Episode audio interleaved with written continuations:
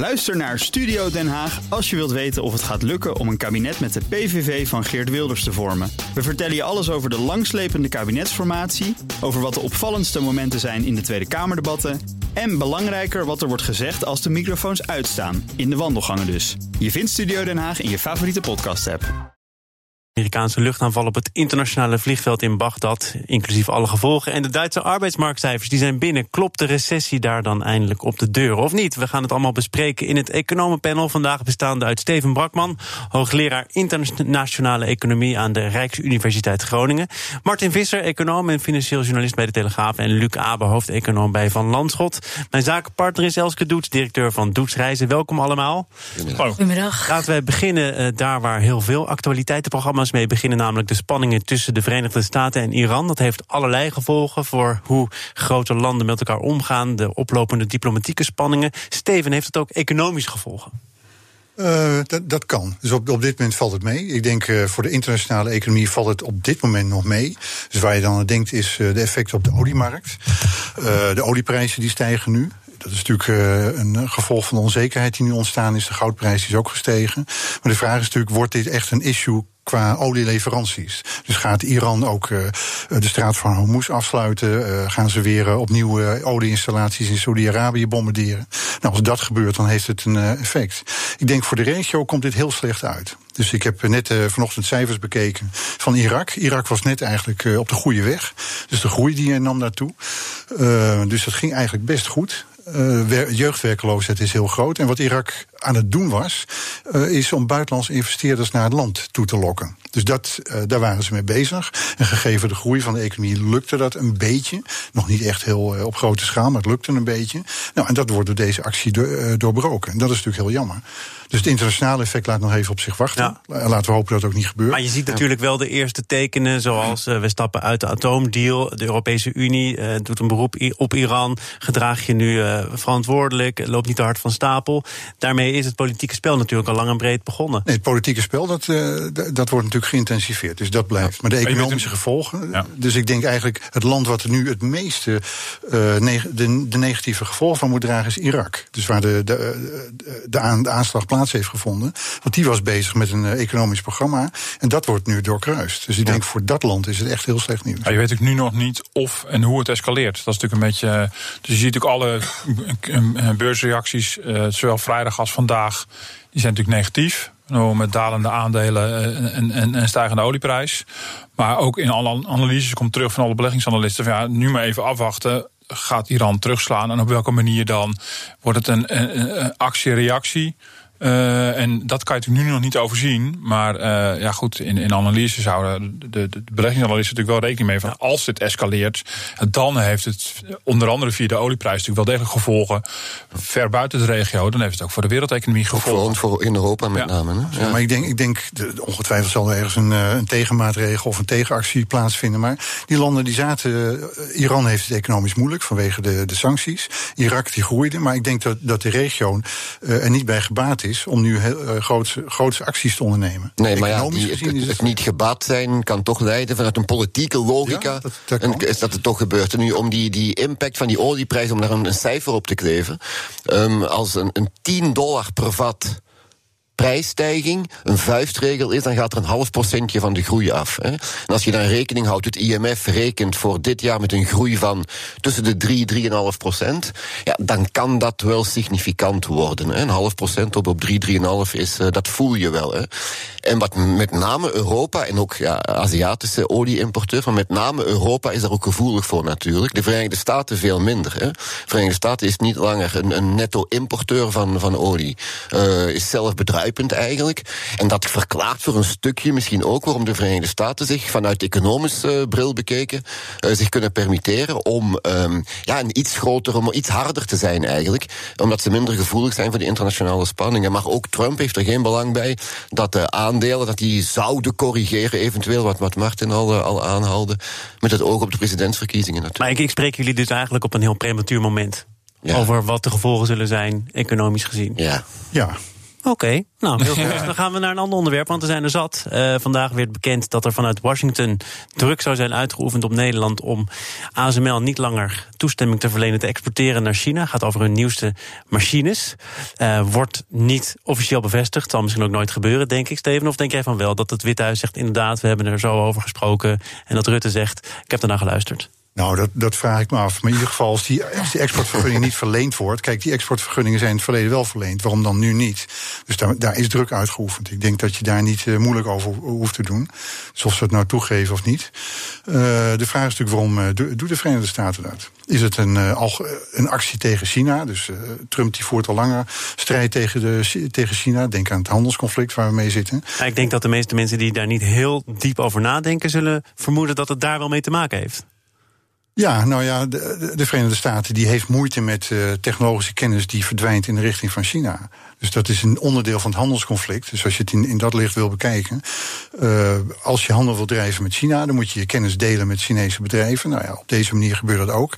En dat Amerika daar uh, bezwaren tegen maakt. Ja, op zichzelf past dat in, in het grotere beleid van, uh, van Trump. Ja, je, sorry, doe maar. Ja, je moet je natuurlijk ook afvragen of niet Nederland en Europa zichzelf daar ook niet de vragen bij zou moeten stellen.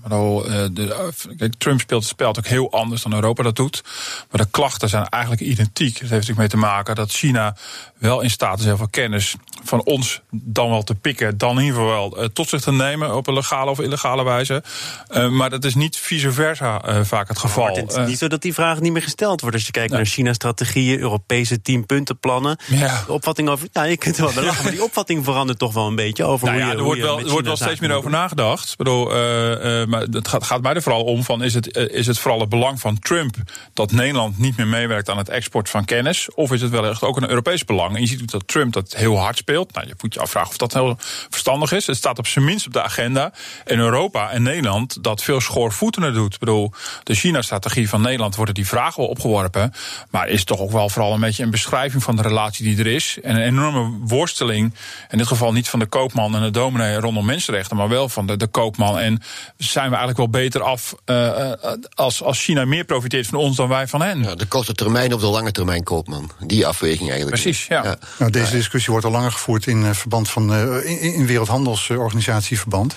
Het vreemde van Trump is nu juist dat hij had samen kunnen optrekken met de hele wereld in de richting van China. Hè, om die, uh, die kennis niet per definitie te moeten afstaan als je handel wil drijven in China. En in plaats daarvan strijkt Europa tegen de haren, tegen de haren in, uh, Japan, Brazilië.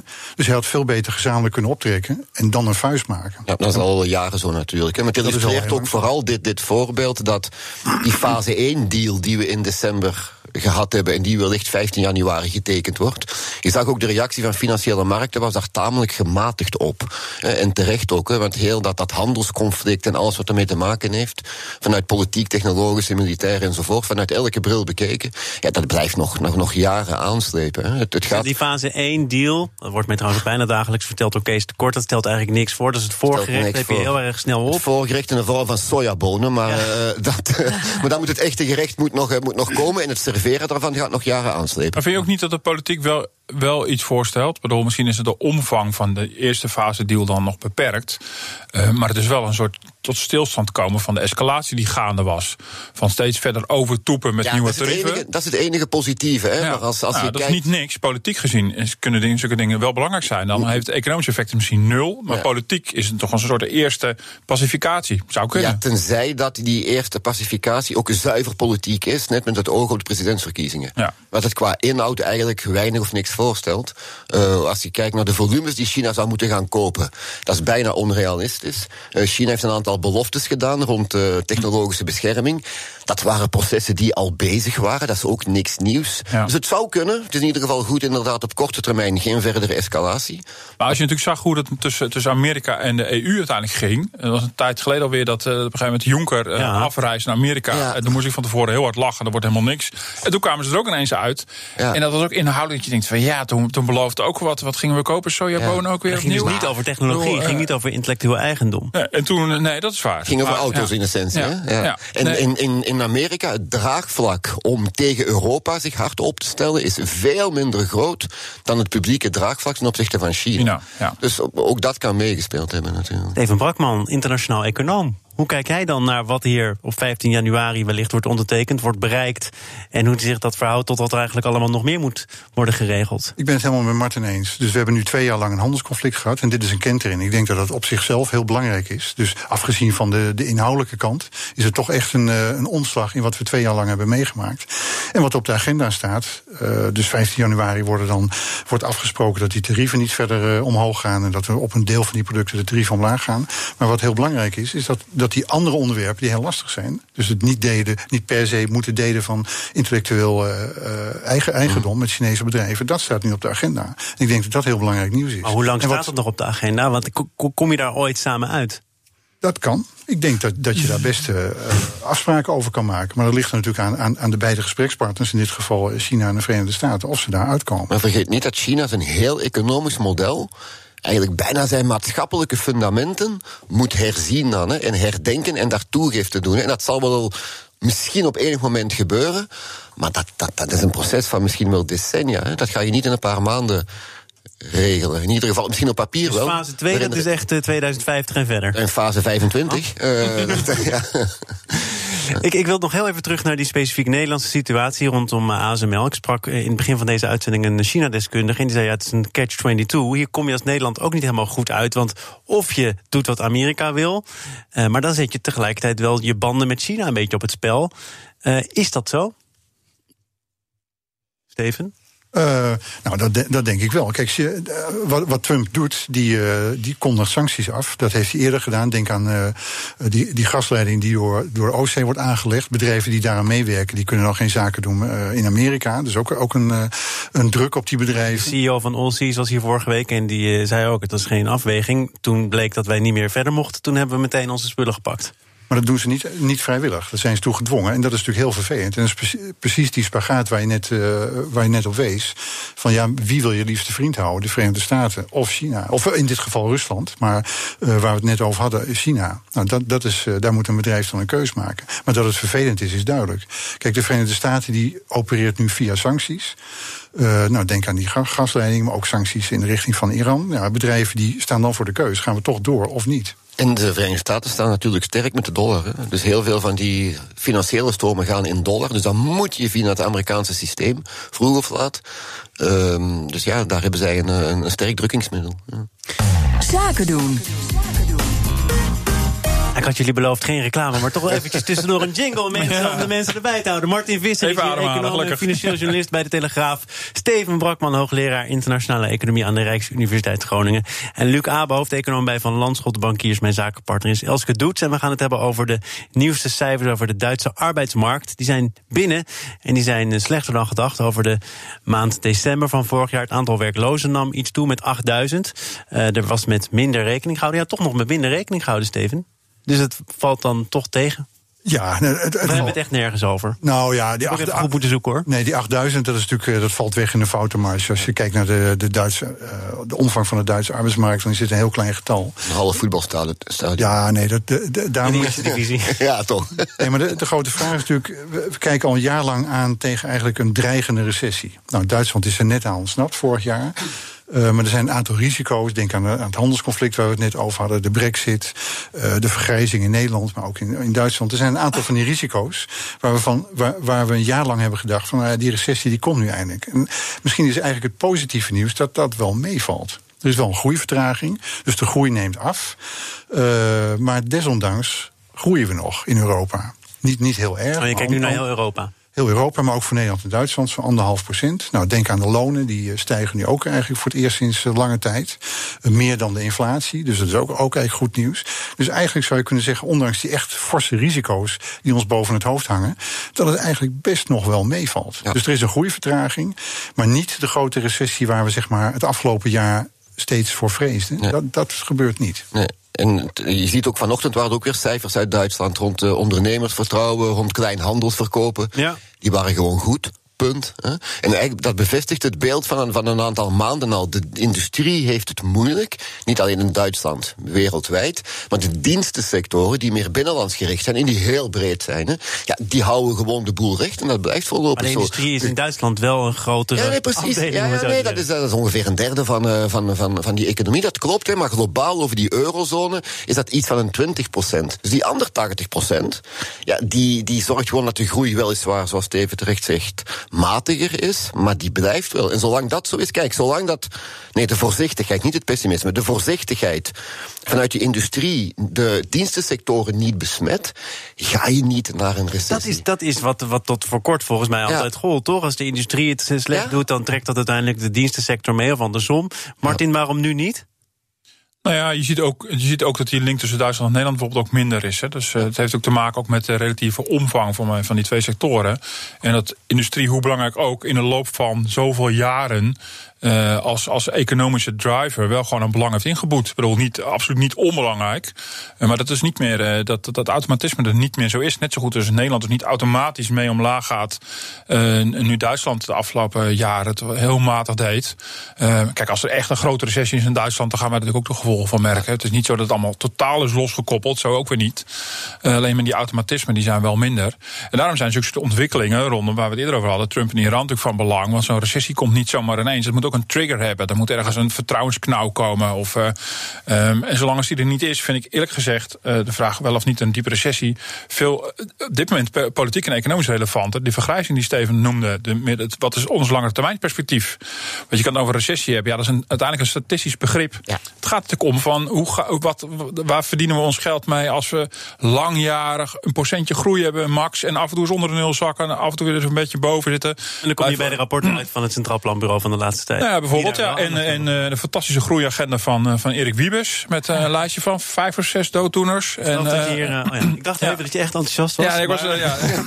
nee maar en, dat is ik wel even. De recessie die komt vroeg of laat een keer natuurlijk. Dat is bijna een economische wetmatigheid. En dat is ook niet het eind van de wereld. Ons, ons referentiepunt is natuurlijk een beetje de grote financiële crisis geworden. Waarmee we. Er, ik merk heel sterk het gevoel bij heel veel mensen is van. De volgende crisis is, weer, is er weer zo eentje.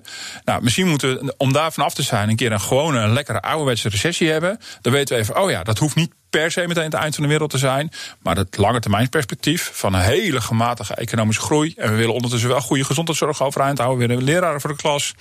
Politie. Uh, Daarvoor is groei nodig dan? Nou ja, de, je, ja je, hebt, je, hebt wel, uh, je hebt wel een zekere mate van economische groei nodig om al die voorzieningen te kunnen blijven betalen. Waarom denk je dat? Waarom ik dat denk? Ja.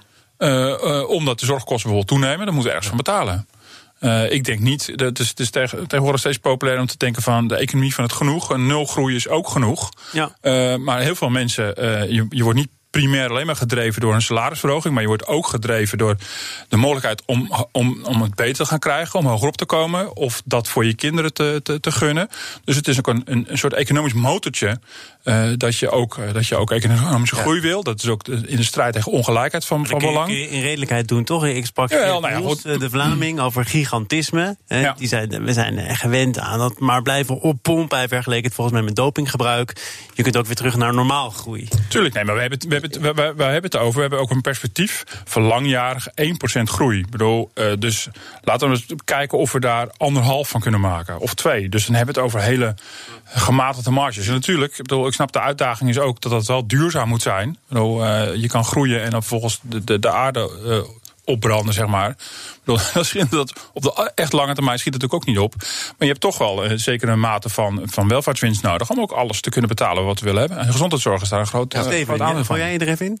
Nou ja, ik? ik? denk dat het verschil maken tussen conjunctuur en structuur... is denk ik heel belangrijk. Dus de conjunctuur het overleven, wel de structuur... Dus daar hebben we een aantal grote, uh, grote problemen. Vergrijzing is er één van. Dus je kunt wel groeien, dan gaan we iets meer verdienen. Maar je moet mensen voor de klas hebben. Je moet mensen in het ziekenhuis hebben. Nou, als die er niet zijn, uh, heb je een groot probleem. Ik denk dat het milieu een heel groot probleem is. Daar lopen we toch een keer tegenaan. Daar moeten we ook iets aan doen. Hè. De, de energieomwenteling, de energietransitie, daar moeten we ook iets aan doen. En dat zijn echt de problemen voor de langere termijn. Waar we eigenlijk te weinig aan doen. Laten we voor de meeste mensen althans optimistisch eindigen met het feit dat er een loonsverhoging voor hen in zat in 2019. In geen tien jaar tijd is die CAO-stijging van de lonen 2,5% zo hoog geweest. En toch zijn er ook mensen die zeggen: ja, je koopt er eigenlijk weinig voor. want de inflatie was er ook. Martin, ik pak hem meteen eventjes wat dieper. Jij zegt dat je een breder probleem ziet. Hoe krijg je welvaart bij de burger en waarom lukt dat vaak niet? Ja, dat is, niet dat is overigens niet alleen een Nederlands probleem. Dat zie je in heel veel westerse landen. Uh, dat de verhouding tussen heel ouderwets kapitaal en arbeid uh, echt structureel aan het veranderen is. het zijn bijna marxistische termen, maar toch gewoon de, de, de, de, de werkende mens wil een evenredig deel van de, van de winsten die we in Nederland produceren. En dat is, dat is je ziet in allerlei onderzoeken die heel langjarig kijken dat besteedbaar inkomen min of meer stagneert. Uh, kom je ook weer op het punt van uh, is, is, is 0% groei niet ook genoeg? Nou, heel veel mensen vinden van niet. Die willen erop vooruit gaan in de portemonnee. Um, en je ziet dat het heel lastig is. En ook een, een 2019 was wel een bijzonder jaar met de hoogste CO-loonstijging in tien jaar tijd. Maar het was nog steeds onder inflatie. Maar die kwam natuurlijk door het kabinetsbeleid. BTW ging omhoog, energierekening ging omhoog. Er was, ook niet, was, was natuurlijk ook een politieke reden voor. Um, dus, Wordt dus, voor volgend jaar, dit jaar is dat inmiddels wel een beetje anders ja, voorspeld. Ja, de voorspelling nu voor 2020 is in die zin gunstiger. Omdat je nu echt een, een belastingverlaging hebt. En we hebben niet meer die btw-verhoging. Die hebben we al allemaal verhapstukt. En als dan de lonen nu blijven doorstijgen, dan ziet het plaatje voor 2020 er beter uit. Maar goed, het is allemaal, dat is voorlopig nog een voorspelling. Maar je, maar je ziet daar wel structurele verschuivingen. Anderzijds vraag ik me ook soms af, overdrijven we dat niet? Als je kijkt naar Nederland bijvoorbeeld, de arbeidsinkomensquotes, hoewel ik deel van de koek gaat naar arbeid, hoewel ik deel gaat naar kapitaal, die brokkelt wel dichtjes af. Nu heeft altijd wat geschommeld en die blijft nog redelijk stabiel. Als je kijkt naar. Dat geldt trouwens voor veel landen hè, binnen, binnen West-Europa. Ik wil dit nu niet zo. Ja, ik, ik wil het nuanceren. Hè. En als je dan kijkt ook naar ongelijkheidsindicatoren, zoals een, een Gini-coëfficiënt heet dat dan. Er zijn heel veel mitsen en maren aan, hè, die, die meet de inkomensongelijkheid. Um, die, die, die in de Verenigde Staten ja, wijst inderdaad op meer ongelijkheid. In onze westerse wereld, het Rijnland-model, om dat in stand te houden, hebben we dus die groei ook nodig nodig. Hè? Ja, daar, nou, daar, heb je het begrepen? Daar, ja, kijk, nee, daar blijkt dat best mee te vallen. Zijn daar lichte verschuivingen, schommelingen? Zijn daar tendensen om in de gaten te houden? Ja. Maar misschien is het ook wel zo dat we met het beschikbaar inkomen dat we hebben, dat we meer moeten betalen, omdat er op andere domeinen iets schort. Denk aan woningmarktbeleid hm. bijvoorbeeld. Ja, maar, maar is het ook niet zo dat er meer arbeidsparticipatie gewoon moet zijn... in plaats van dat mensen maar meer moeten krijgen? Oh. Nou ja, maar dat, Om meer dat, uren werken? Nee, zeker, maar dat helpt natuurlijk ook. Je kan natuurlijk, dan, dan, dan jaag je ook de economische groei aan. Maar die kan je aanjagen door productiever te zijn... en door meer uren te maken met z'n allen, zeker. Dus, eh, dus er wordt niet voor niks, is er wordt er weer heel veel over deeltijdwerk de laatste tijd gesproken. Dat als je die deeltijdfactor zou kunnen verhogen... bij mensen die daar de mogelijkheid toe zien... Eh, dan, dan is het ook een grote bijdrage, maar die achterblijvende loonontwikkeling is toch een groot probleem. Ik denk ook dat het een van die structurele problemen is. Dus denk aan uh, de toename van het aantal flexibele contracten, de, de afnemende invloed van de, van de vakbond. Maar denk ook aan automatisering en globalisering. Er zijn, juist die middengroepen hebben er last van. Dus je ziet toch wel dat er een bepaald deel van die arbeidsmarkt die heeft last van een aantal dingen. Uh, en dat, ja, dat is een structureel probleem waar je toch iets aan moet doen. Ja. Door middel van herverdeling of belastingheffing. Maar met heel veel dimensies aan, tot en met globalisering die daarbij komt kijken. Dus het is het is heel moeilijk om daar ja, maar met twee, drie maatregelen... Ja. ja. maar automatisering en globalisering die komen nu juist bij die middengroepen. De, de, negatieve effecten komen daar juist terecht. Kijk, mensen met een goede opleiding die hebben er niet zoveel last van. Het is juist die middengroepen. Ik denk dat we voor dit soort thema's nog wel een eh, economenpaneltje kunnen gebruiken. Niet meer vandaag, maar wel de volgende keer. Wat vonden jullie ervan, zonder reclame? Martin? Oh, nou, prima eigenlijk. Was er geen reclame? Ja. Luc Abe, hoofdeconoom bij Van Landschot Bankiers. Martin Visser, econoom en financieel journalist bij de Telegraaf. En Steven Brakman, hoogleraar internationale economie aan de Rijksuniversiteit. Dank voor jullie komst. En zeker ook dank voor Elske Doets van Doetsreizen, mijn zakenpartner van vandaag. Ook tot de volgende keer. Zeker. Heb je een beetje kunnen wennen aan de jingletjes en de geluidjes? Ja. Mooi zo. Nou, dan uh, reken ik op jouw komst ook een volgende keer. Morgen dan is mijn volgende keer. En dan is Han Venema van de Gasunie te gast. Dat allemaal morgen in BNR Zaken doen. Zometeen eerst Nieuwsroom, onze dagelijkse podcast van het FD en BNR. Veel, veel plezier. Tot morgen. Ook Hugo Reitsma vind je in de BNR-app. Superhandig die BNR-app. Je kunt alle programma's live luisteren, breaking nieuwsmeldingen. Je blijft op de hoogte van het laatste zakelijke nieuws. En je vindt er alle BNR-podcasts, waaronder natuurlijk de belangrijkste, Boeken zijn in de wijk. Download nu de gratis BNR-app en blijf scherp.